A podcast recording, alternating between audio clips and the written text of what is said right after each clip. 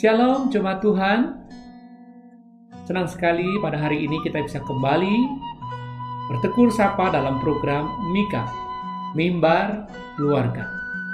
Suatu aktivitas kerohanian yang kita selenggarakan di rumah masing-masing bersama dengan keluarga kita dengan maksud dan tujuan untuk menanam dan merawat benih iman di tengah-tengah keluarga kita. Sehingga keluarga kita dapat bertumbuh semakin serupa dengan gambar Kristus. Kita akan bersama-sama menemukan kebenaran firman Tuhan dari Lukas pasal 15 ayat yang 11 sampai dengan 32. Bersama-sama dengan anggota keluarga kita, mari kita baca bagian firman Tuhan ini bersama-sama.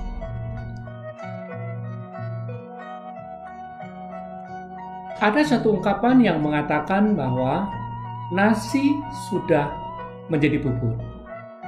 Ungkapan ini menjelaskan tentang sesuatu hal yang sudah terlanjur terjadi dan tidak bisa diulang atau diperbaiki kembali. Nuansa daripada ungkapan ini adalah adanya kesedihan, kekecewaan, penyesalan, dan bahkan bisa juga kemarahan. Oleh karena apa yang terjadi tidak seperti yang kita harapkan atau kita rencanakan sebelumnya. Dan ketika hal ini terjadi, maka respon kita menjadi sesuatu yang begitu sangat penting. Apa itu respon? Yaitu reaksi kita di dalam menerima kenyataan atau di dalam menghadapi realita kehidupan yang tidak seperti yang kita harapkan atau kita rencanakan. Nah, maka pertanyaannya adalah bagaimana seharusnya kita berespon? Atau reaksi seperti apakah yang harus kita berikan ketika kenyataan yang kita hadapi, kenyataan yang harus kita terima, tidak seindah atau tidak seperti yang kita mimpikan atau inginkan. Reaksi seperti apakah yang perlu kita miliki manakala realita dan fakta hidup tidak seperti yang kita bayangkan dan kita impikan. Perumpamaan tentang anak yang hilang ini akan memperlengkapi kita semua tentang bagaimana seharusnya kita bereaksi atau berespon manakala kenyataan tidak seindah yang kita impikan. Manakala nasi sudah menjadi bubur. Perumpamaan tentang anak yang hilang dalam Lukas 15 ayat yang ke-11 sampai dengan 32 didahului dengan dua perumpamaan yaitu perumpamaan tentang domba yang hilang di ayat 1 sampai dengan yang ke-7 dan perumpamaan tentang dirham yang hilang di dalam ayat yang ke-8 sampai dengan yang ke-10. Baik perumpamaan tentang domba yang hilang maupun dirham yang hilang memiliki kemiripan pesan antara lain yang pertama penekanannya bukan pada dosa melainkan pada keterhilangan apa yang sangat berharga itu. Yang kedua, pemilik yang berinisiatif mencari yang terhilang dengan penuh ketelitian, dengan penuh ketekunan, dan dengan penuh konsistenan. Yang ketiga, pemilik begitu bersuka cita, pemilik begitu senang ketika yang terhilang telah ditemukan dan mengajak tetangga kanan kirinya untuk merasakan sukacita yang telah ia alami. Kesamaan yang keempat adalah Sukacita menemukan kembali apa yang telah hilang, baik itu domba maupun dirham, menjadi penggambaran tentang sukacita surgawi ketika ada orang berdosa bertobat kembali. Dan yang kelima adalah apa yang dilakukan oleh orang yang kehilangan domba maupun orang yang kehilangan dirham bukan hanya menjadi gambaran tentang Tuhan yang terus-menerus mencari orang-orang yang terhilang, namun juga sebagai gambaran dari setiap manusia yang kehilangan sesuatu. Perumpamaan tentang domba dan dirham yang hilang menggambarkan tentang hati Tuhan bagi jiwa-jiwa yang terhilang. Dan di dalam dua perumpamaan tersebut, Tuhan menggambarkan dirinya sebagai pemilik. Dikatakan di dalam ayat yang kelima, Siapakah di antara kamu yang mempunyai seratus ekor domba. Dan jikalau ia kehilangan seekor di antaranya, tidak meninggalkan yang 99 ekor di padang gurun dan pergi mencari yang sesat itu sampai ia menemukannya. Atau di ayat yang ke-8, atau perempuan manakah yang mempunyai 10 dirham dan jika ia kehilangan satu di antaranya, tidak menyalakan pelita dan menyapu rumahnya serta mencarinya dengan cermat sampai ia menemukannya. Tuhan sebagai pemilik atas jiwa-jiwa yang terhilang oleh karena dosa, memiliki hati yang begitu panjang sabar, hati yang penuh dengan kasih, hati yang penuh dengan pengampunan. Dan hati Tuhan ini, hati Tuhan yang panjang sabar, penuh kasih dan penuh pengampunan itu, digambarkan secara jelas dalam perumpamaan tentang anak yang. Dalam Lukas 15 ayat 11 sampai dengan 32. Pada perumpamaan anak yang hilang, kita bertemu dengan tiga tokoh, yakni sang bapak, si sulung, dan si bungsu. Jika dibandingkan dengan kakaknya, si bungsu ini sepertinya memiliki sifat yang sangat berbeda. Dalam Lukas 15 ayat 11 sampai dengan 32, kita tidak memperoleh informasi berapa umur si bungsu.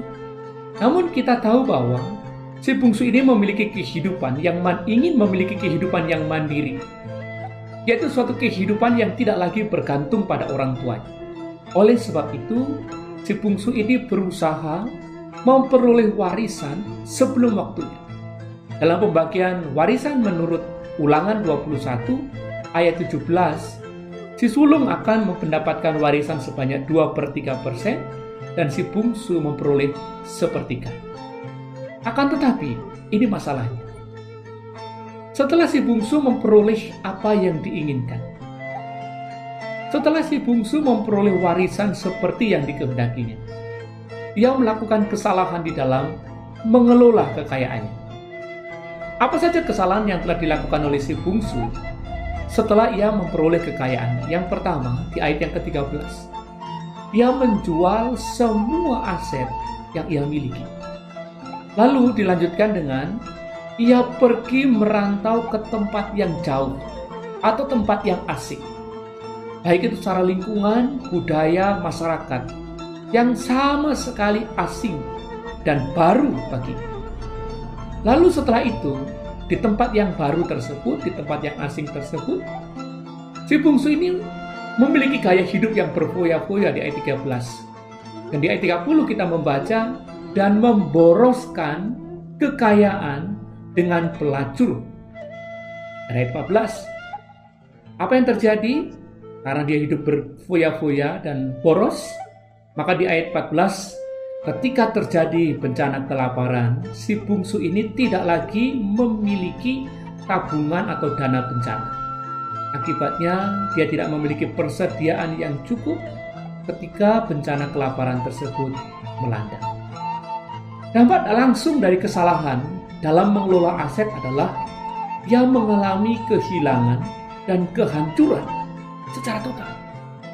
Yang pertama, dia kehilangan semua kekayaan yang diwariskan oleh bapaknya dan menjadi seorang yang melarat ayat yang ke-14.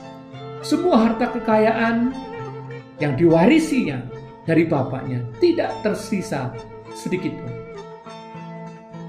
Si bungsu ini bukan hanya kehilangan kekayaan, namun di ayat 15 sampai dengan 16, si bungsu ini juga kehilangan harga diri dan kehormatannya. Ia harus bekerja pada seorang majikan di negeri asing. Kemudian ia dipekerjakan sebagai penjaga babi. Menurut hukum Musa, babi adalah binatang yang najis bagi bangsa Israel. Imamat 11 ayat yang ke-2 sampai dengan 8, Ulangan 14 ayat yang ke-8. Dan ia kini harus bersentuhan dengan apa yang najis itu setiap hari. Masalahnya bukan hanya sampai di situ. Setelah ia bekerja dan harus bersentuhan dengan binatang yang najis itu, ia harus mengalami yang namanya kelaparan sampai ia ingin menghilangkan rasa laparnya itu dengan memakan ampas yang menjadi makanan babi dan itu pun tidak diizinkan. Kondisi memaksanya bukan hanya harus bersentuhan dengan binatang yang najis. namun juga memakan makanan binatang yang najis. Ini menjadi satu gambaran tentang suatu keterpurukan secara total yang dialami oleh si bungsu ketika ia berusaha menjalani hidup mandiri, hidup yang terpisah dari sang bapak. Pertanyaan selanjutnya adalah, apakah yang dilakukan oleh si bungsu ketika kemandirian hidup tidak terjadi seperti yang ia impikan? Apa yang dia lakukan oleh si bungsu ketika nasi sudah menjadi bubur? Dari ayat 17 sampai dengan 21, kita dapat belajar tentang bagaimana seharusnya berespon atau bersikap manakala realita dan fakta kehidupan tidak seindah yang kita bayangkan. Dari respon si bungsu ini kita bisa belajar setidaknya tiga hal. Yang pertama, si bungsu ini menyadari keadaannya di ayat yang ke-17. Apa saja yang dia yang disadari oleh si bungsu?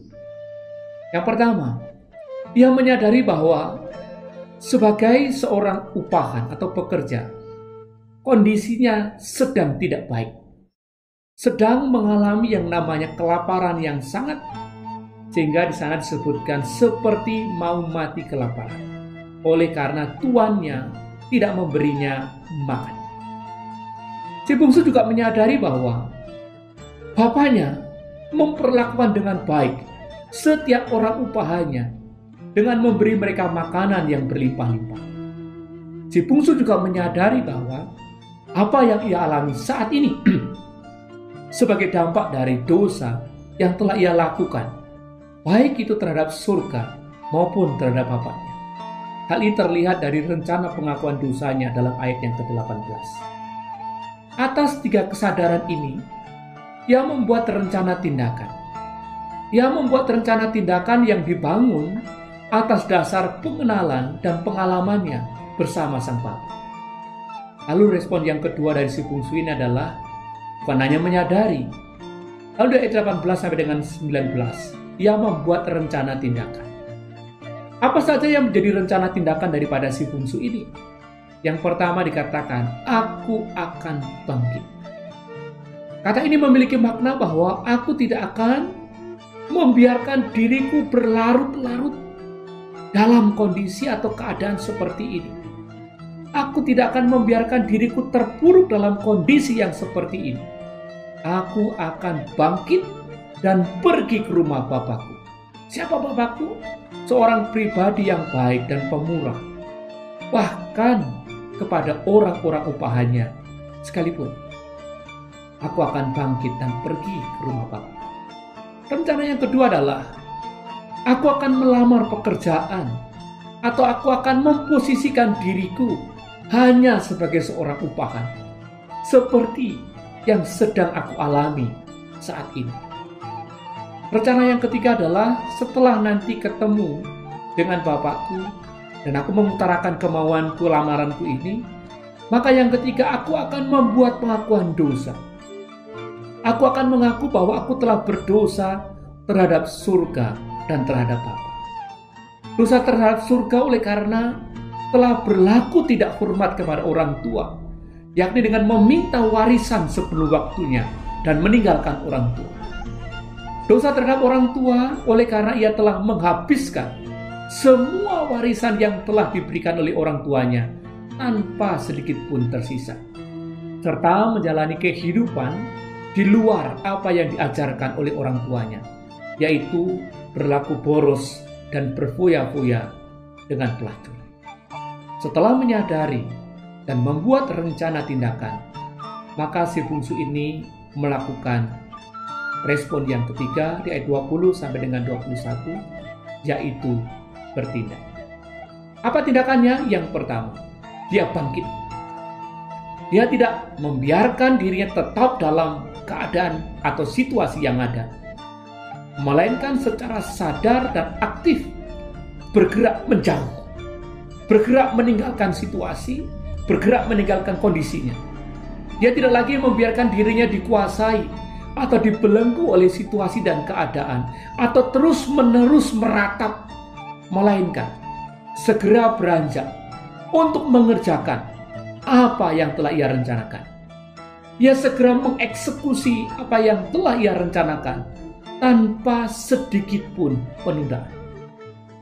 Lalu yang kedua, setelah dia bangkit, dia pergi. Artinya apa? Aku sekarang berjalan pulang dan datang kembali kepada Bapakku. Bayangkan kondisinya ketika si bungsu sedang berjalan pulang ke rumah bapaknya.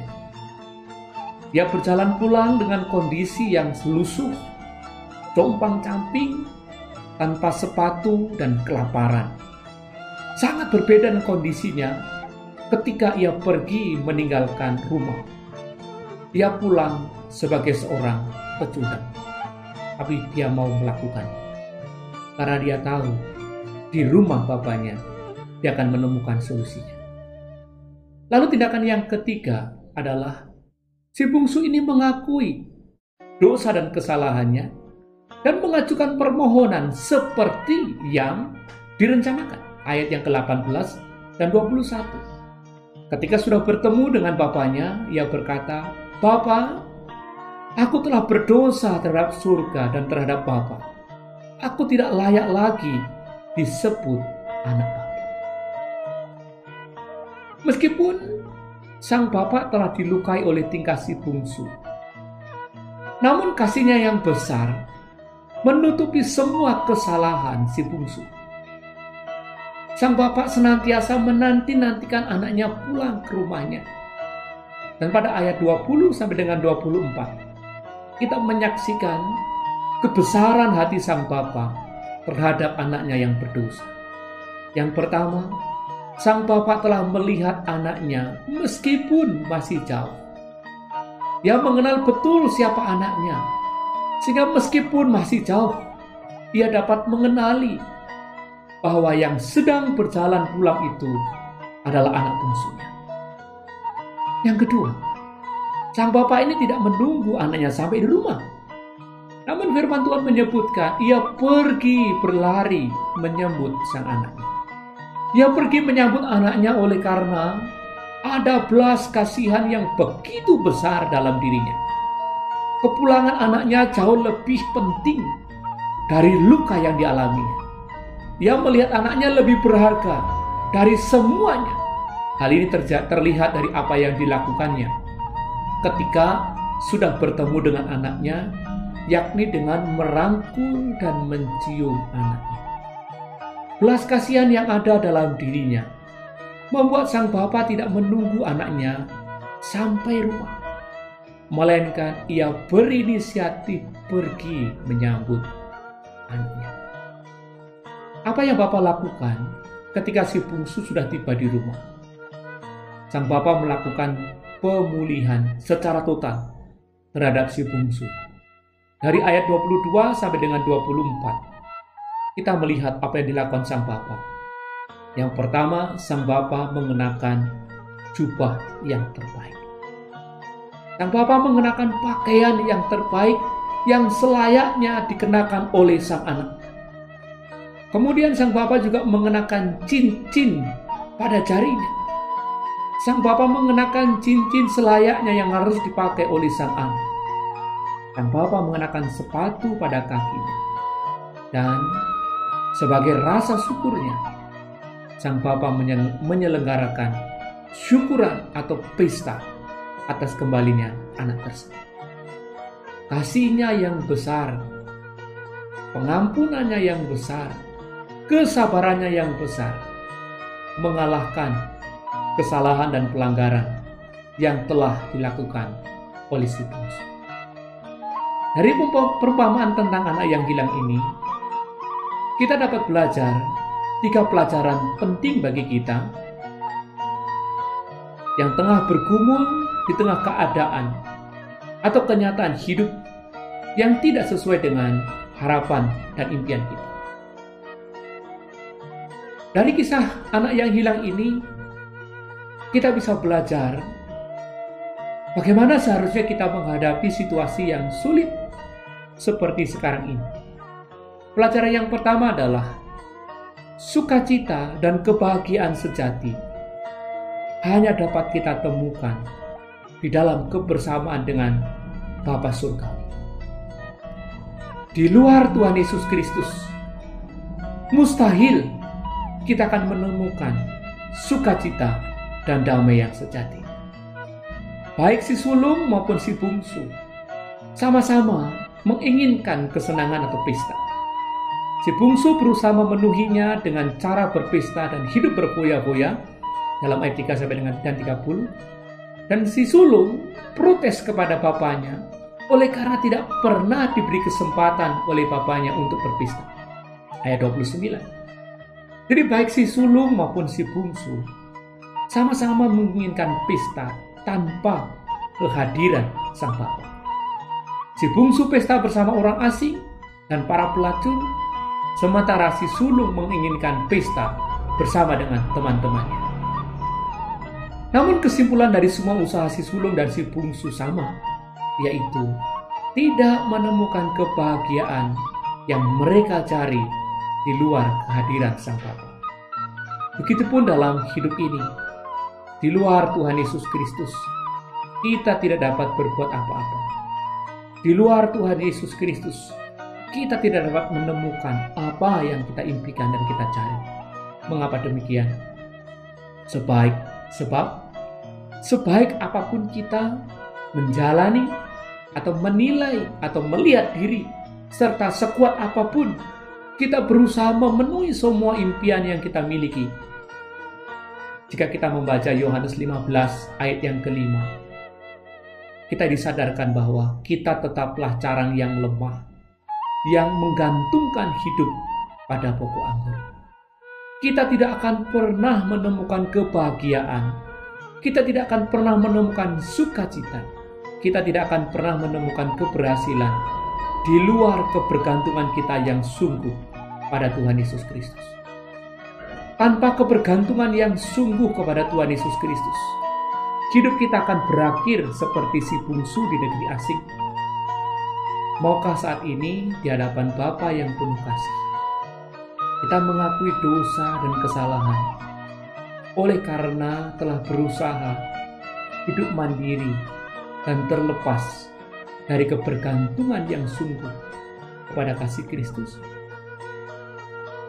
Bisa jadi kita selama ini mengandalkan kemampuan, keahlian, kekayaan, relasi, dan segala sesuatunya.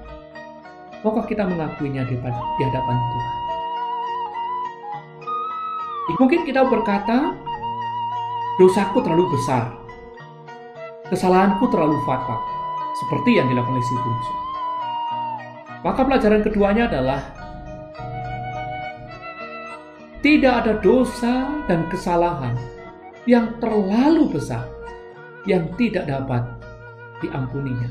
Asalkan kita mau menyadari, bertobat, dan datang kepadanya.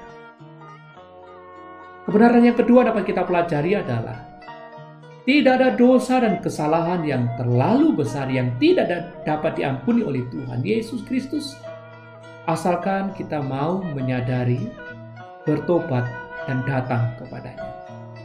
Kesalahan si bungsu sangat besar, namun ketika ia menyadari kesalahannya, bertobat dan kembali kepada Bapaknya, ia beroleh pengampunan dan pemulihan. Begitu pula halnya dengan hidup kita. Sebesar apa pun dosa dan kesalahan yang telah kita lakukan, sehancur apa pun resiko hidup kita sebagai akibat dari kesalahan kita dalam bertindak, marilah kita akui dan kita bertobat serta datang kepadanya. Saya sungguh percaya kuasa darah Yesus Kristus yang telah tercurah di atas kayu salib itu sanggup menghapuskan semua dosa dan kesalahan kita. Dengan demikian kita tidak lagi dibelenggu oleh dosa dan kesalahan, melainkan dilingkupi oleh kasih dan sukacitanya yang berlimpah-limpah dan tiada batas itu.